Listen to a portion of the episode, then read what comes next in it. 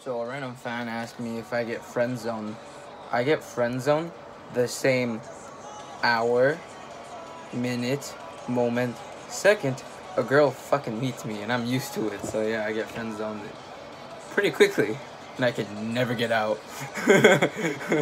this was a horrible video. I don't know. I could have just commented back to them yes, but my dumbass decided to make this video and it's been 30 seconds. So yeah, later.